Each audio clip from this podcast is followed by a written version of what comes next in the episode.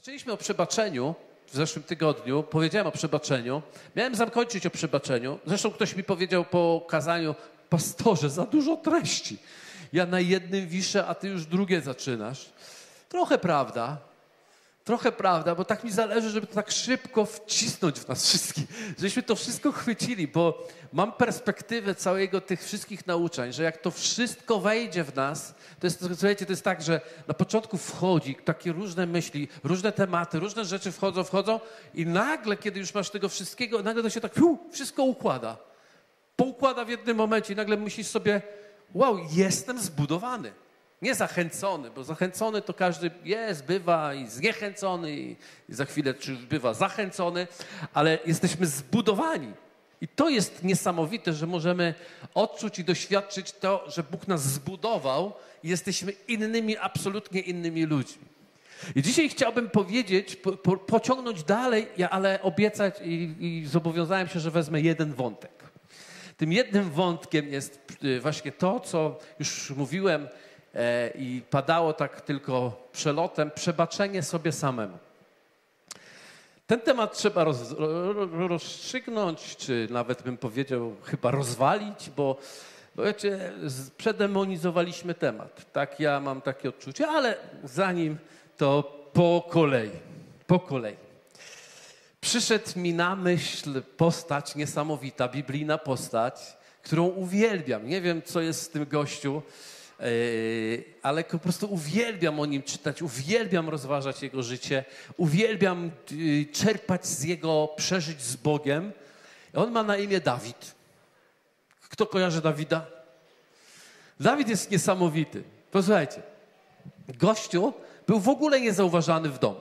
Zupełnie go nikt nie zauważał. Generalnie on był na polu gdzieś tam. Pamiętacie, jak przyszedł Saul? Ja, ja, będę się opierał na trochę waszej wiedzy, którą macie przecież olbrzymią. Więc nie będę czytał wszystkich fragmentów, bo chcę dojść do pewnego konkretnego, ale chciałbym, żebyśmy zobaczyli, o kim mówimy. Dawid był w domu, gdzie miał siedmiu braci, ale generalnie był od brudnej roboty. Czyli po prostu on był ten od owiec. Więc kiedy Samuel przyszedł, ponieważ Bóg go powołał i powiedział: Słuchaj, Saul się już wykończył, już nie, nie, nie podoba mi się jako król, musimy to zmienić i namaścisz kogoś innego na króla. I on poszedł do jego domu, Samuel, i zaczął oglądać tych wszystkich mężów bożych, tych takich byczków, takich fajnych, zdolnych, pełnych, takich z autorytetem ich oglądał. Natomiast nie było Dawida, bo Dawid był gdzieś tam z owcami. To, byłby, to byłaby osoba, wiecie, taka, on był najmłodszy, to byłaby taka osoba w domu od y, odkurzania, od wynoszenia śmieci, od wychodzenia z psem na spacer, od załadowywania zmywarki. Nie wiem, czy macie takie kwestie, problemy w tym, kto to będzie, że tak powiem, robił. Każdy, kiedy to robi, to myśli, że się jakaś wielka tragedia spotyka w tym czasie.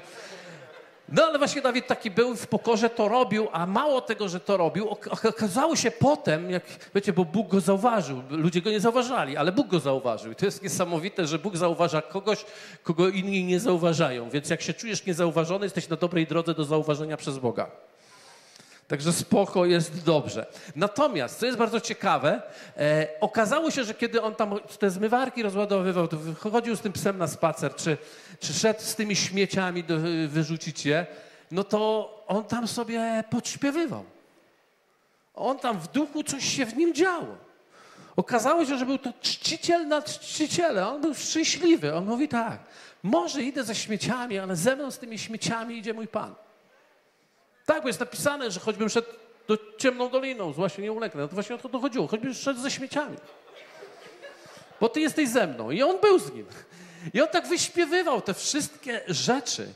Kiedy po prostu był z tymi owcami, myśmy się dowiedzieli, że na przykład miał takie doświadczenia, takie sobie, wiesz, wyskoczył niedźwiedź. A on tego niedźwiedzia ciach i pobił, pokonał. Później wyskoczył lew któregoś dnia, a on go pokonywał. I wyśpiewywał i cały czas coś, wiecie co robił? Cały czas czymś nasiąkał. I to nie był smród owiec, tylko to był dzwoń i zapach Boży, który był nad jego życiem. Później znamy go i został rozpoznany i nagle widzimy jego niesamowity charakter, ponieważ e, został przez proroka określony królem, ale, ale tak naprawdę nikt tego króla w nim nie chciał zobaczyć, ale potem się okazało, że staje przed Goliatem i pokonuje 3,5 metrowego gościa i jest niesamowitym mężem Bożym. Później widzimy go, że coraz bardziej go rozpoznają, ale musi uciekać przed Saulem. Potem ma okazję, żeby się na tym Saulu zemścić, ale tak podnosi miecz i mówi, nie, nie, broń Boże, żebym na pomazańca podniósł rękę. On miał charakter nieskazitelny. To był jakiś kosmita. Chciałbym być taki jak on. Czy ktoś chciałby być taki jak on? Ja chciałbym być taki jak on, bo on naprawdę śpiewał Bogu, on uwielbiał Boga, nawet właśnie będąc w ciemnej dolinie, on mówił, Boże, jesteś moją opoką, moją twierdzą, moją tarczą, jesteś wszystkim moim. W końcu zostaje królem, a kiedy zostaje królem, nadal po prostu jest niesamowity. Okazuje się, że Bóg go pieczętuje, mówiąc o nim, że to jest człowiek według mojego serca. To jest człowiek według mojego serca, bo to jest człowiek, kiedy miał porażkę, to on był ze mną, i kiedy ma sukces, to on jest ze mną. To jest człowiek według mojego serca. My myślimy, że my jesteśmy według Bożego serca wtedy, kiedy mamy porażkę, wołamy do Niego i On do nas przychodzi i nas ratuje i wtedy doświadczamy Boga i generalnie to znamy trochę Boga, Boga ratownika. Boga ratownika, bo tylko wtedy nam potrzebny Bóg, kiedy jest co? Kiedy jest źle.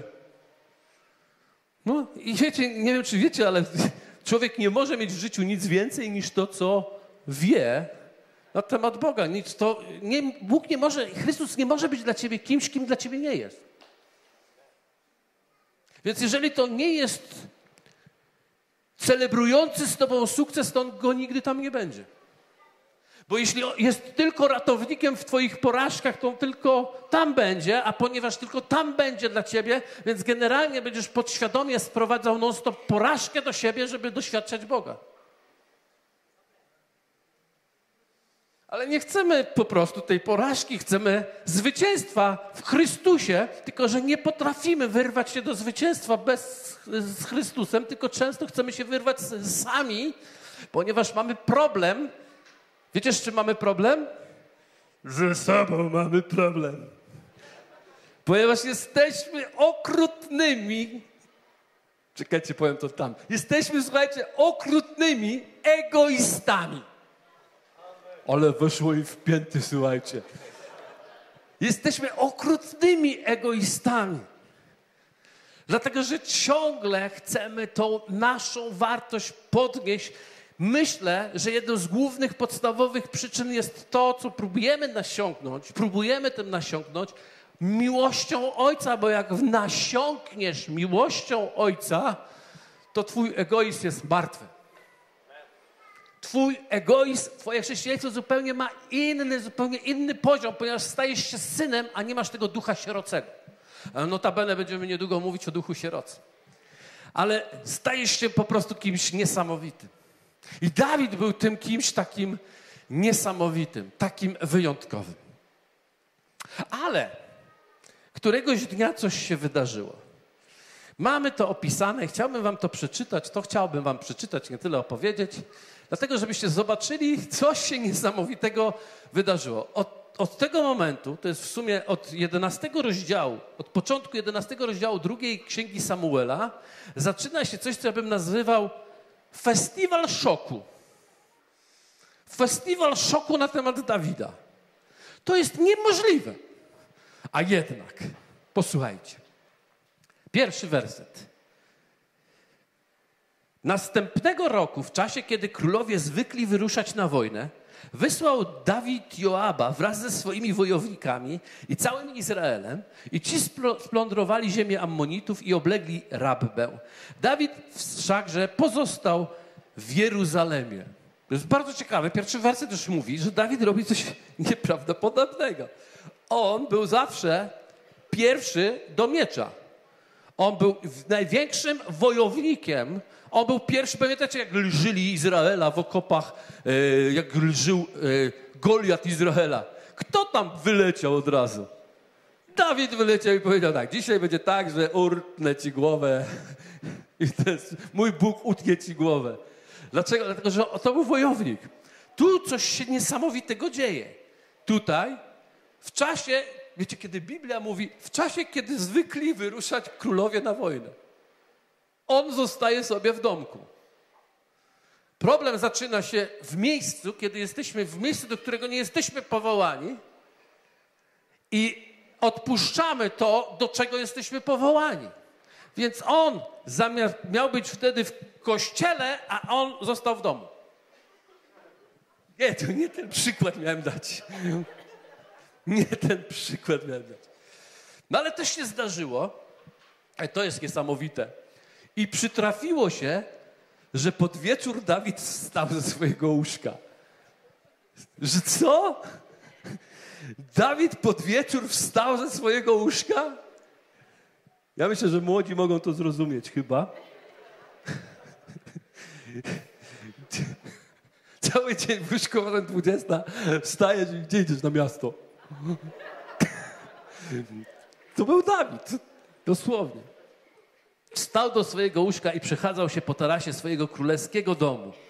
I ujrzał z tego tarasu kąpiącą się kobietę. Ona nie była w bikini, a była to kobieta wielkiej urody. Dawid posłał, aby czegoś się dowiedzieć o tej kobiecie. Powiedziano mu, jest to potrzeba, córka Eliama, żona Uriasza, Hetejczyka. Dawid posłał gońców i kazał ją sprowadzić, a gdy ona przyszła do niego, obcował z nią, a właśnie była ona po swoim oczyszczeniu i powróciła do, domu, do swojego domu. Czyli generalnie był w miejscu, którym miał nie być. Robił coś, co nie powinien robić. Trochę się rozpasał ten Dawid, o którym przed chwilą mówiliśmy, jaki jest według serca Bożego. I ten Dawid idzie sobie tarasem i widzi gołą panią. I okazuje się, że jest absolutnym, prawdziwym mężczyzną. Stuprocentowym. Do tego stopnia wywarło to na nim wrażenie, że dowiedział się, kto to jest i dowiedział się, że akurat zdarzyło się tak, że była to żona jego bliskiego przyjaciela, który akurat pojechał na wojnę, żeby walczyć. Więc ją sprowadził i poszedł z nią i dokonał cudzołóstwa. Nasz Dawid dokonał cudzołóstwa. Pierwszy szok, który mnie po prostu załatwił. Drugi szok, który pojawia się, to jest taki, w następnym wersecie jest powiedziane, kobieta ta poczęła, posłała więc wiadomość do Dawida tej treści. Poczęłam. No oj, oj, oj, oj, oj. A miało to być takie tylko imprezka. Miało to być bez hałasu, a tu się okazało, że poczęła. I teraz co się dokonuje dalej? Kolejny szok przychodzi. Otóż Dawid postanawia spróbować wszystko to jakoś zakłamać, żeby nikt się nie dowiedział, co się tak naprawdę wydarzyło. Dawid, według serca Bożego człowiek. I pisze i mówi tak. Wtedy Dawid posłał Joaba rozkaz. Przyszli do mnie Uriasza, Hetejczyka. Joab przysłał Uriasza do Dawida. A gdy Uriasz, czyli ten mąż tej Beatrzeby, przybył do niego, ja sobie myślę, no zaraz będzie pokuta. Stary, dałem czadu, wybacz mi. A on mówi do niego tak. Idź do swojego domu. Aha, y, wypytywał go, gdy przybył do niego, Dawid go wypytywał, jak się powodzi Joabowi, jak się powodzi wojsku, jaki przebieg ma wojna. Okej, okay. dobra, właśnie o to spotkanie chodziło. Potem rzekł Dawid do Uriasza, idź do swojego domu i umyj swoje nogi, a gdy Uriasz wyszedł z domu króla, niesiono za nim dar do, od króla. Aha, czyli on ma iść do domu.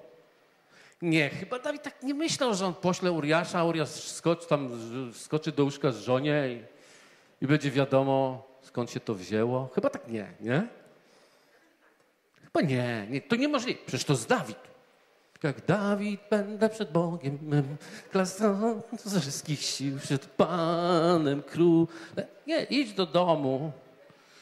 Lecz Uriasz, słuchajcie, położył się w bramie domu królewskiego razem ze wszystkimi sługami swojego pana, a do swojego domu nie poszedł. I doniesiono Dawidowi, Uriasz nie poszedł do swojego domu. Dawid kazał więc powiedzieć Uriaszowi, czy nie odbyłeś dalekiej drogi? Dlaczego nie poszedłeś do swojego domu? Do żoneczki. Uriasz odpowiedział Dawidowi, skrzynia Boża Izraela i Juda. Jezu, co, coraz gorzej się dzieje. Przybywają w szałasach. Mój dowódca Joab i wojownicy mojego pana obozują w otwartym polu. A ja miałbym pójść do, mojego domu, jeść, pić i obcować z moją żoną? Jako żywy i jako żyje dusza Twoja, Dawidzie, mój królu umiłowany, że takiej rzeczy nie uczynię. No i klops. No i klops, bo on miał po prostu wrócić do domu, zrobić swoje i wrócić na wojnę. I sprawa załatwiona. Tak? Czego oko nie boli, czego, czytamy, to, czego oko nie widzi, tego co? Serce nie boli. Czego serce nie widzi, tego oko nie boli. Więc tak miało być.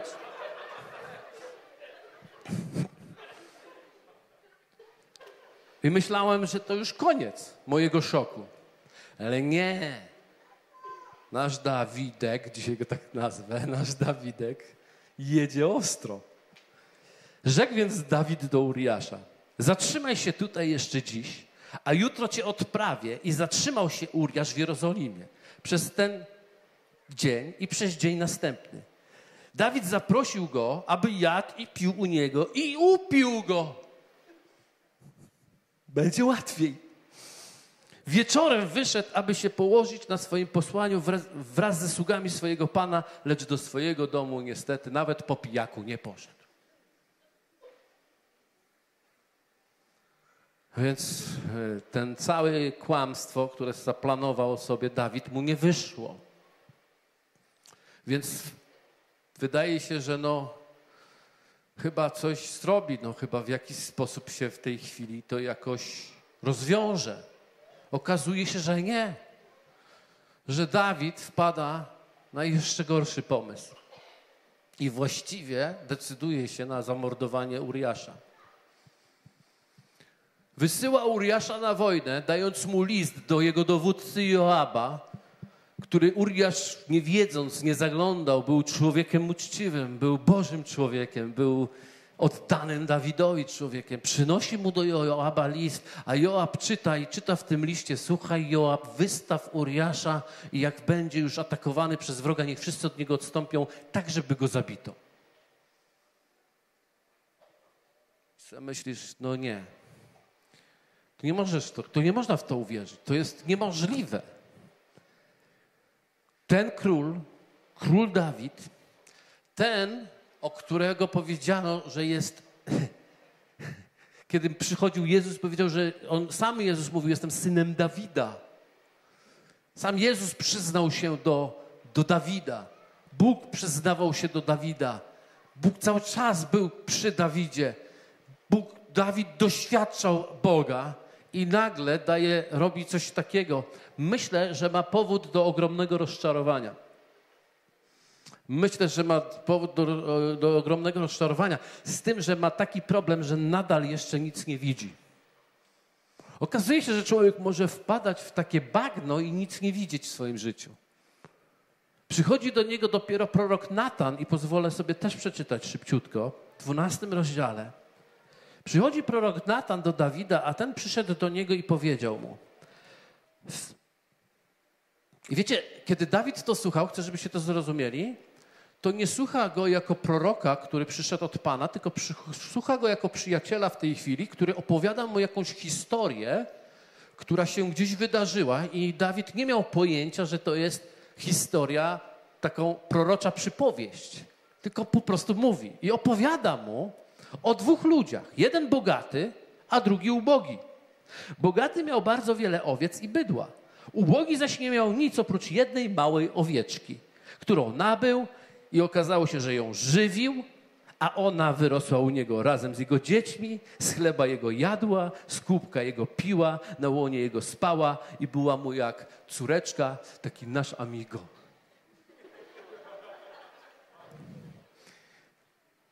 I się okazało, dalej mówi, Pewnego razu przybył do tego bogatego jakiś przybysz i okazało się, że żal było bogatemu wziąć ze swoich owiec czy ze swojego bydła, aby je przyrządzić dla podróżnego, który do niego przybył. Poszedł więc, wziął więc owieczkę tego męża ubogiego i ją przyrządził dla męża, który do niego przybył. Kiedy Dawid to usłyszał, to nagle krew uderzyła mu do głowy. Mówi, nie, to jest niemożliwe. Wiecie, Dawid miał coś w sobie, że miał ogromne poczucie sprawiedliwości. I odezwało się w Dawidzie to poczucie sprawiedliwości, odezwały się emocje z tym związane. I on powiedział wtedy, wybuchnął wielkim gniewem, nie jakimś tam gniewem, on wybuchnął wielkim gniewem. I mówi do na onego męża i rzekł do Natana, jako żyje Pan, myślał, że nawet wydaje decyzję królewską do Natana, żeby on wrócił do tego miasta, złapał tego bogacza i mówi do niego, jako żyje Pan, że na śmierć zasługuje mąż ten, który tak postąpił. On od razu wydał wyrok. I dalej mówi, za owieczkę zapłaci w czwórnasób, dlatego że taką rzecz uczynił i że nie miał litości. Był bez litości. W jakim on miejscu był? W jakim on miejscu był? Nieprawdopodobne, jak potrafimy widzieć ludzi dookoła, którzy robią tyle rzeczy, jak oni mają prawo to robić. W tym samym momencie w ogóle nie widzimy, że siedzimy w większym bagnie niż ktokolwiek inny. I wtedy dokonuje się to Boże działanie. Wtedy Natan rzekł do Dawida: To ty jesteś tym mężem. Tak mówi Pan Bóg Izraela. Ja cię namaściłem na króla nad Izraelem. Ja cię wyrwałem z ręki Saula. Dałem ci dom twojego pana i żony twojego pana na twoje łono. Dałem ci dom Izraela i Judy. A jeśli by to było za mało, byłbym dał ci jeszcze. Dlaczego tego nadto? Bo ja jestem Bogiem, jestem kochającym Bogiem. Ty jesteś według mojego serca. Ja ci dam wszystko. Ja ci nieba uchylę. I on akurat może. Dlaczego więc zgardziłeś słowem Pana, popełniając zło w oczach Jego? Uriasza Hetajczyka zabiłeś, mieczem jego żonę wziąłeś sobie za, za żonę. Jego zaś zabiłeś mieczem Ammonitów. Huh. Więc wydarzyła się taka historia. I Bóg do niego przemówił. I wiemy, jak Dawid zareagował tak naprawdę na poziomie całe, całego od swoich myśli, poprzez swoje emocje, poprzez swoje działanie. Jednym z najpiękniejszych obrazów tego, jak on zareagował, jest to, w jak, jaki sposób on się modlił. Okazało się, że ta modlitwa, to wszystko zostało spisane. I mamy w Psalmie 51, zaczyna się tak dwa pierwsze wersety. Przewodnikowi chóru Psalm Dawidowy gdy wydał, wdał się z Betrzebą i przyszedł do niego prorok Natan. Czyli to jest psalm 51, to chciałem, zresztą dzisiaj kawałek wrzuciłem go do nasiąkania.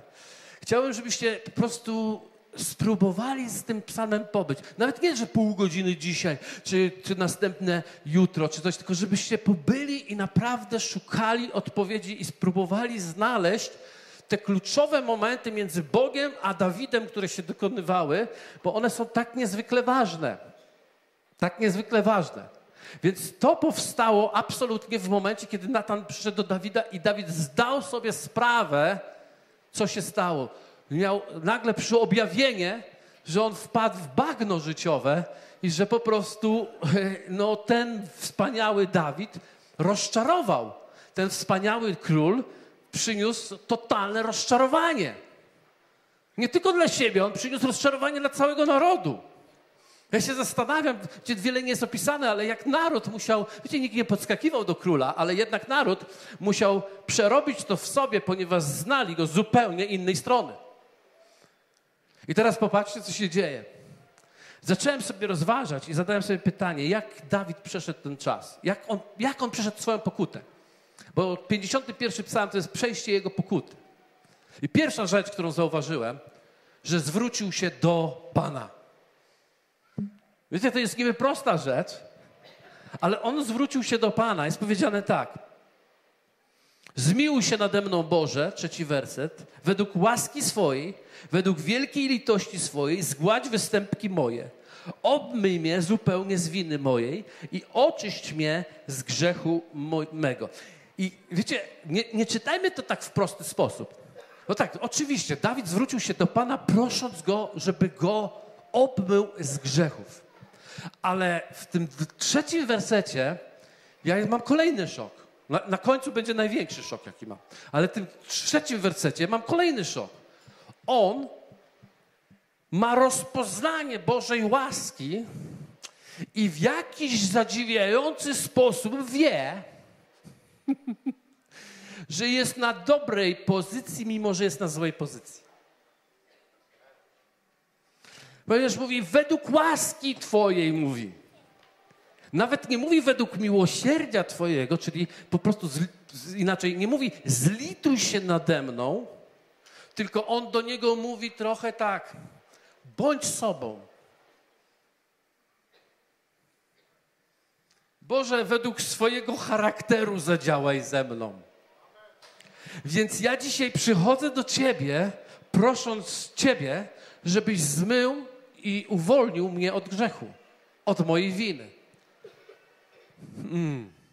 To znaczy, że Dawid naprawdę znał Boga. Znaczy się, że Dawid naprawdę wiedział, kim Bóg jest. Drugą rzecz, która jest niesamowita i może to zrobić tylko prawdziwy bohater wiary, to jest uznał i przyznał się do pełni brudu swojego grzechu. No i ktoś powie, no to normalne. Nie, to są bohaterzy wiary. Dlaczego? Dlatego, że ja przeczytam tylko ten fragment. Zobaczcie od 5, 5 i 6 werset. Ja bowiem znam występki swoje i grzech mój zawsze jest przede mną. Przeciwko Tobie samemu zgrzeszyłem i uczyniłem to, co złe w oczach Twoich, abyś okazał się sprawiedliwy w wyroku swoim, czysty w sądzie swoim. Więc Dawid mówi tak: Ja absolutnie zgrzeszyłem. Tam nie ma dźwięku ani, ani jakiegoś po prostu sugestii, którym Dawid mówi: Boże, wiesz, takim mnie stworzyłeś, a ona była taka fajna. Nie ma tam czegoś takiego. Nie ma tam próby znalezienia jakiegoś drugiego powodu, takiego uzasadnienia, że wiesz, no, no tutaj po prostu sytuacja była taka, no, że jestem facet, nie? Jestem facet. Jestem facet i co? I widzę gołą panią, a jak widzę gołą panią, tak mnie stworzyłeś, tak reaguję. A że nie zapanowałem na tym, no tak, no głupie, no wiesz. Tak. Ale wiecie, to już jest, to już jest próba powiedzenia, nie było tak źle. Nie jest tak źle ze mną. Nie, nie. On powiedział, jest źle ze mną. On powiedział, jest źle ze mną, bo mój grzech zawsze jest przede mną.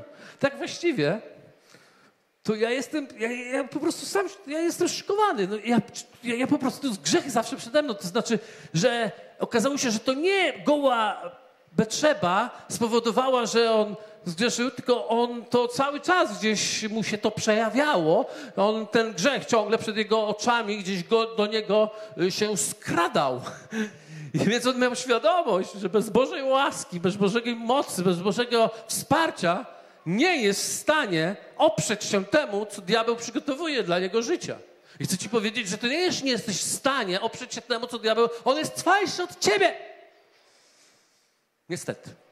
Diabeł jest twajszy od nas. Więc jeśli my jak... nie, nie włączymy naszego bezpiecznika, o którym powiem na samym końcu, to, to po prostu nie damy rady. Dlatego Dawid się nie tłumaczył, Dawid od razu wyjaśnił, ja, jest ze mną problem. To jest pierwszy. I trzecią rzecz, którą zrobił, to uznał, stanął w prawdzie na swój własny temat. Stanął w prawdzie na swój własny temat. Od razu powiedział, żeby to było jasne. Dobra, dobra, widzicie we mnie Dawida, tutaj Goliata pokonałem, tu jestem niedźwiedzia, tu lwa, tu po prostu namaszczenie nade mną takie, tu po prostu Bóg Bogu się podoba, tu fajne piosenki układam i śpiewam. Ale chcę wam powiedzieć jedną prostą rzecz. Oto urodziłem się w przewinieniu i w grzechu poczęła mnie matka moja. Oto miłujesz prawdę chowaną na dnie duszy i objawiasz mi mądrość ukrytą. To znaczy, że, żebyście zrozumieli, co Dawid powiedział. Nie chodzę z Bogiem, żeby okazało się, jaki jestem wyjątkowy. Chodzę z Bogiem, bo jestem tragiczny. Przepraszam, że dzisiaj tak mówię, ale chodzę z Bogiem, bo jestem tragiczny i wiem, że bez Ciebie byłaby tylko nędza z bidą. Ponieważ nie ma nic, w czym mógłbym powiedzieć, e, zobacz, jaki jestem. Dawid absolutnie jest osobą, którą podziwiamy, nie dlatego, że Dawid jest taki, tylko dlatego, że Bóg taki jest w Dawidzie.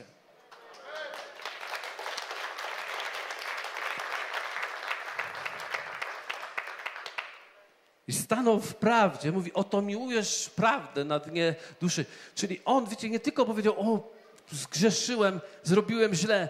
On powiedział, Boże, tam w środku, na dnie duszy, coś jest nie halo. Jeśli Ty mi nie pomożesz, nikt mi nie pomoże.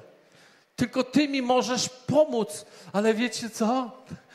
Ja wiem, że On mi pomoże, ponieważ na dnie mojej duszy jest tam głęboko, nawet jak próbuję coś okłamać, nawet jak próbuję coś okłamać, tam głęboko jest prawda, która chce się wydostać, która marzy, żeby któregoś dnia w końcu to wszystko pękło, żeby to wyszło na wierzch i żeby Bóg w pełni mógł to uzdrowić. Dlatego tak bardzo potrzebujemy stanąć absolutnie w totalnym prześwietleniu Ducha Świętego. Ściągnąć wszelkie fasady. I czwartą rzecz, którą zrobił, rozprawił się z brudem grzechu. Posłuchajcie, werset dziewiąty. Pokrop mnie hizopem, a będę oczyszczony. Obmyj mnie, a ponad śnieg bielszy się stanę. Wiecie, symbol hizop, nie mam czasu to tłumaczyć, ale to jest obraz dzieła Chrystusa, przelanej krwi Chrystusa i obmycia nas z grzechów. Innymi on w sposób mówi, oczyś mnie. I mówi tak, ja nie chcę już z tym brudem, ja, ja poczułem wstręt tego brudu, który uczyniłem, zabiłem Uriasza, zabi, po prostu wbrew woli e, Betrzeby ją po prostu zgwałciłem. E, teraz spłodziłem dziecko, które umarło. Zrobiłem tak źle, taki gruz idzie za mną. Ja naprawdę oczyś mnie z tego brudu. I mówi, pokrop mnie, a to się stanie, bo wiem, że to się stanie, jeśli ty to zrobisz. I on oczyszcza to, co zewnętrzne, ale on idzie dalej, bo on nie chce tylko się zająć tym, że, że zrobił źle i Bóg mu usłyszy, przebaczyłem ci, Dawidzie. On chce wejść głębiej i zaczyna rozprawiać się kolejną rzeczą, rozprawił się ze swoim samopoczuciem. Bo okazuje się, że grzech przynosi jakieś może uczucie chwilowego jakiegoś, nie wiem, spełnienia, ale potem masz takiego, takiego no, no, można to nazwać kacem, czy jakimś, ale masz coś takiego, co się za tobą ciągnie i nie możesz tego y, urwać. I dlatego on powiedział w dziesiątym wersecie, daj bym usłyszał radość i wesele, niech się rozradują kości, które skruszyłeś. Więc pomyślcie sobie, jak on się czuł. To był człowiek, który śpiewamy jak Dawid, kiedy przed Bogiem był. Tańczył ze wszystkich sił. To jest ten, który ściągnął szatę królewską i tańczył przed e, e, Arką Przymierza. To jest ten, który po prostu był czcicielem, worshiperem. To był ten, który zawsze, zawsze, zawsze uwielbiał Boga. Zawsze czuł radość, wolność w Bogu i tak dalej. I nagle czuje się, jak zgniły jakieś owoc, czuje się jakby coś zdechło w nim. I mówi tak, wiem, że Bóg mnie oczyścił, ale nie chcę mieć tego zdechnięcia, nie chcę w tych kościach czuć tego obciążenia, nie chcę, ja chcę na nowo usłyszeć radość, ja na nowo chcę usłyszeć wesele, ja chcę w to samo miejsce, Boże. I okazuje się, że przyjął go Bóg do tego. I on przyjął ten właśnie uwolnienie na poziomie tego emocjonalnym, tego samopoczucia, tak, żeby nie czuł tego grzdyla. To było ważne, to było ważne tylko dlatego, że inaczej nie mógłby już funkcjonować więcej. Nie potrzebujesz tylko wybaczenia grzechów. Potrzebujesz uzdrowienia w swoich emocjach na swój własny temat. I trzecią rzecz, którą zrobił, rozprawiając się z grzechem, zajął się korzeniem problemu. zajął się korzeniem problemu, czyli nie tylko oczyścił z zewnątrz, nie tylko te kości jego, które zostały, miały być uzdrowione i miał poczuć radość na nowo, ale wszedł w sam korzeń, czyli w serce. I posłuchajcie, zakryj oblicze swoje przed grzechami moimi i zgładź wszystkie winy moje. Serce czyste, czyli tam najgłębiej, gdzie tylko możesz, serce czyste we mnie, o Boże, stwórz, o Boże, a ducha prawego odnów we mnie. Nie odrzucaj mnie od oblicza swego i nie odbieraj mi swojego ducha świętego. I on po prostu wołał, że on nie chce już więcej być narażony na takie sytuacje. On wołał, że on chce być przemieniony z miejsca, z którego wylazł, ponieważ Jezus powiedział, że to z serca ludzkiego wychodzą wszystkie złe pragnienia i myśli. Więc Dawid już wtedy miał objawienie, że z jego serca to wylazło i dlatego on, on mówi, stwórz we mnie serce czyste. Czyli innymi słowy mówi, zabierz mi to, a daj mi nowe. I notabene w naszych podstawach wiary jeden z tematów będzie zabranie serca z kamienia, a udzielenie ci serca z ciała. Dlatego tak ważne jest, żebyśmy tego nie zgubili. Uwierzcie mi, to nie są tylko kazanka. To są rzeczy, które ratują absolutnie naszą duszę, nasze życie. Dlatego on wołał. I pozwólcie, że pokażę wam ostatni werset, który mnie najbardziej zaszokował. Szokował mnie lata temu. Ja pamiętam, jak jeszcze w Oazie przeczytałem, myśmy mieli taką piosenkę. E, śpiewaliśmy właśnie na podstawie tych wersetów. Stwórz we mnie serce czyste, Boże mój. Nie umiem za dobrze śpiewać, ale śpiewaliśmy taką piosenkę. I ten ostatni werset, po prostu, który, który e, on wtedy no przeniknął mnie, przesiąknął mnie. A on brzmi w ten sposób. I to jest dla mnie największy szok, który dzisiaj też chyba przeżyjemy razem. Przywróć mi radość, uwaga, z wybawienia Twego i wesprzyj mnie duchem ochoczym. Pewnie teraz zastanawiacie się, co mnie tam tak szokowało. Otóż mnie zszokowało to, że Dawid poprosił Boga, żeby przywrócił mu radość ze zbawienia, a nie prosił go o zbawienie.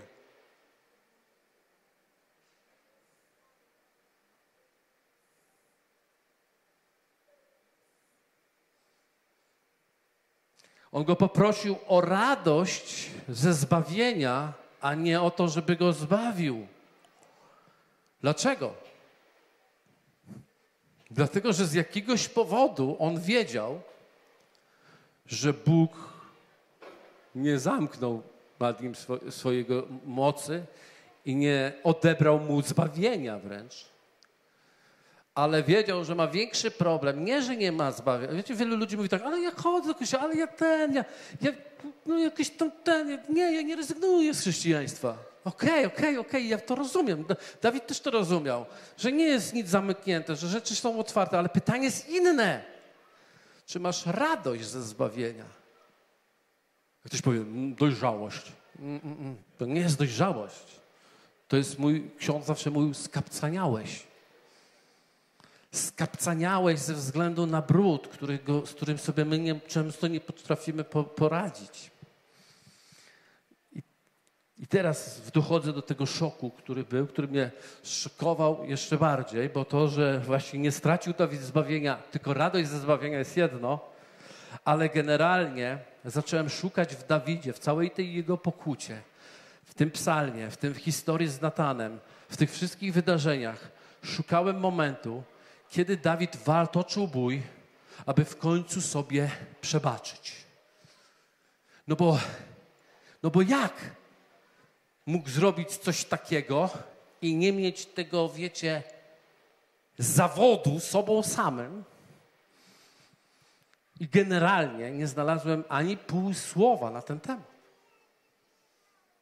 Ani werseciku psalmowego. Jakby ani razu nie zajął się tym tematem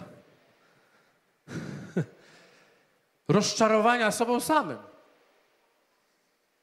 Ja tak sobie myślałem, zacząłem szukać. Mówię, Boże, Boże, to, to kto? Bo Abraham mi się przypomniał. Abraham też był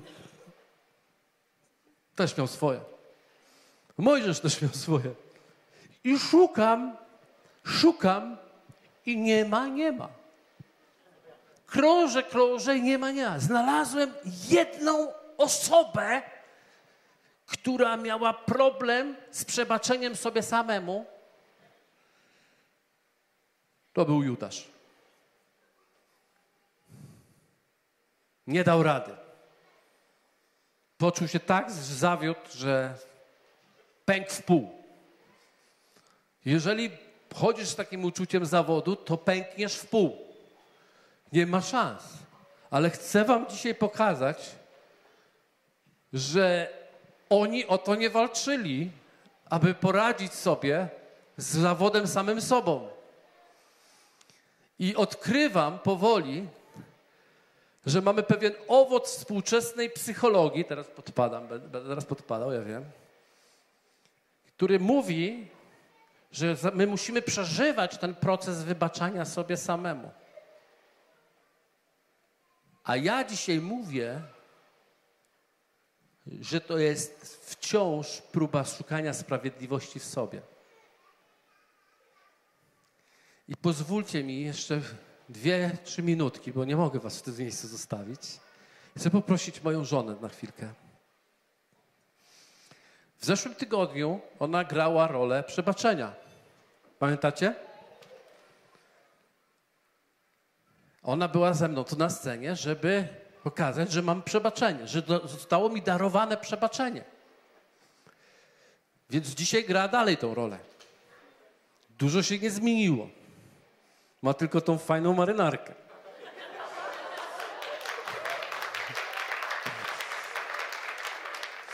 Ale całe nowonarodzenie, spróbujcie, spróbujcie przez chwilę pomyśleć o tym. Całe nowonarodzenie polega na tym, że zostało nam darowane pojednanie z Bogiem.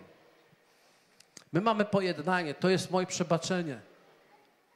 To, co myśmy się wyuczyli, to myśmy się takiego psychologicznego działania wy, wy, nauczyli, o którym też pokazywałem w zeszłym tygodniu, ale muszę to powtórzyć, że my odsyłamy to przebaczenie, przyjmujemy, mówimy, o, obmyłeś mnie z moje ręce z, z brudu, e, usprawiedliwiłeś mnie, dziękuję Ci Boże i dziękuję, dlatego że ja potrzebuję, będziesz tak troszeczkę chodziła, sorki, także, bo ja potrzebuję e, udowodnić, że to ja dam radę sobie z życiem.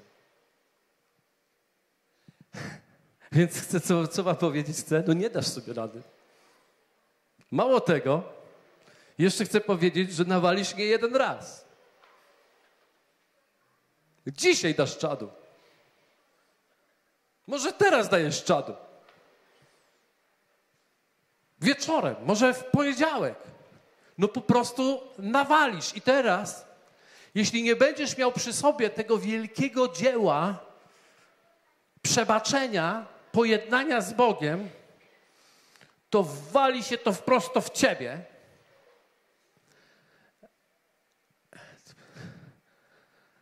I będziesz przeżywał zawód sobą. I powiesz tak, dopiero pastor mówił na kazaniu, że damy radę.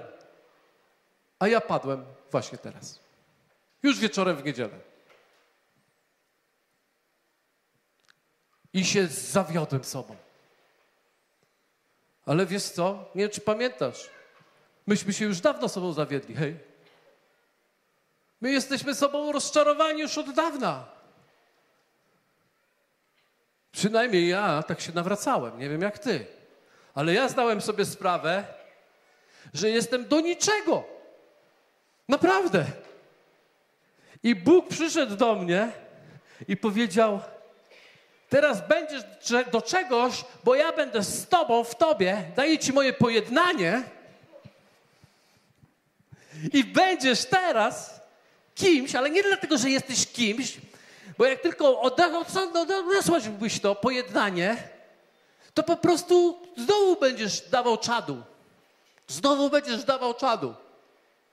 Ale ja ci dałem pojednanie nie tylko, żebyś przebaczał ludziom wokół ciebie, ale dałem Ci pojednanie, które walczy i chroni Twój umysł, Twoją głowę, chroni od głupich myśli, że jesteś do bani, Bo Bóg ciebie wybrał, powołał. Zawsze byłeś do bani, ale teraz jesteś wybrany, powołany i Bóg jest kimś tobie i nie możesz mówić do bani jestem, ponieważ jak mówisz jestem do bani, to próbujesz pokazać swoją sprawiedliwość o własnych siłach i się rozczarowujesz. Normalka! Tak będzie, aż w końcu uznasz, że faktycznie jesteś do bani bez niego.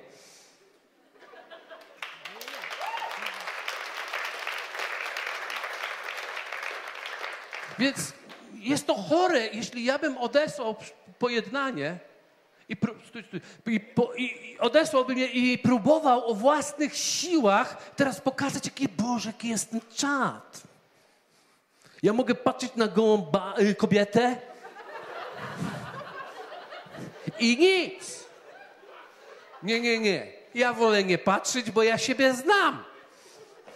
Bo, jest, bo Bóg kocha prawdę ukrytą na dnie duszy, która wyłazi na zewnątrz. Więc znam siebie i nie rzucę siebie. Sprawdźmy to. Bo ja wiem o sobie jedną do, ważną rzecz. Nie wiem, czy ty o to ale ja, ja mam coś najsłabszego w życiu.